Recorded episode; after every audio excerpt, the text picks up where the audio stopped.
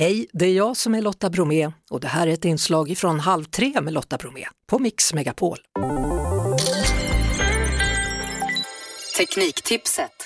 Martin Appel från PC för alla är tillbaka, välkommen hit. Tack så mycket.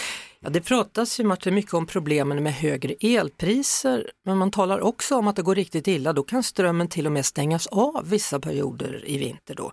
Och frågan är, vad kan man göra med sina teknikprylar om strömmen går eller är avstängd? Ja, om, om vi pratar om den här vanliga tekniken, typ mobiltelefoner eller surfplattor, alltså inga mer avancerade katastrofer än att det blir elavbrott, då skulle jag säga att det viktigaste är att ha en så kallad powerbank hemma.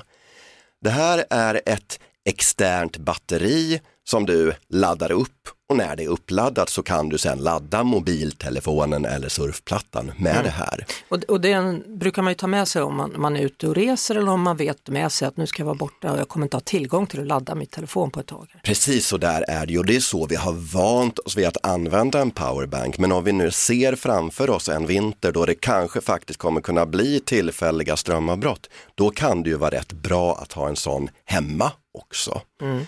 Den är faktiskt väldigt enkel att använda, så alltså du bara pluggar in den i eluttaget när det finns ström och så laddar du upp den.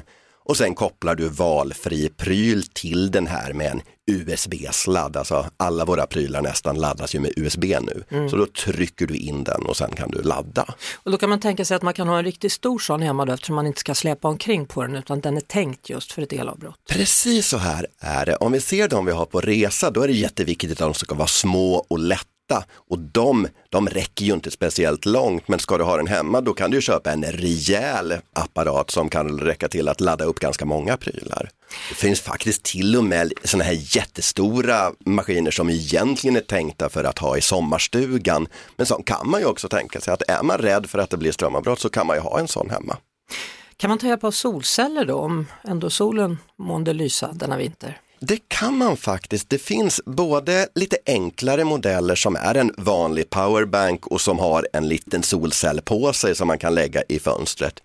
Och den räcker ju inte så fruktansvärt långt. Men det finns också modeller där du kan ha någon slags solpanel, ungefär som något litet tält som du ställer ute i trädgården som kan ge mer sol.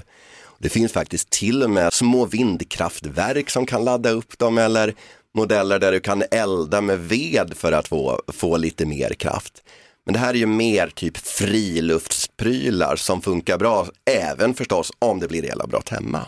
Jag vet när jag var i eh, Brasilien, då hade jag med mig faktiskt en högtalare där man kunde koppla mobilen till och den drevs av solenergi så den var perfekt att ha på stranden. Perfekt på stranden i Brasilien, kanske inte i november, december i Sverige. Nej.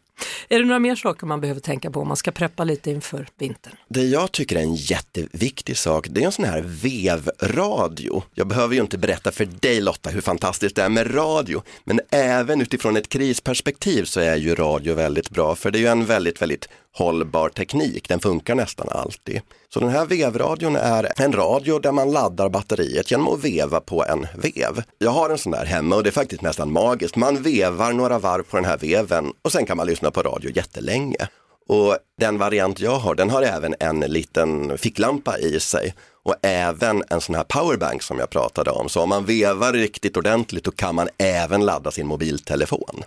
Jag var faktiskt hemma hos eh, min mamma och vi testade en sån där och det, det är kul. De funkar. De funkar ju verkligen mm. och så får man lite motion också när man vevar. Precis.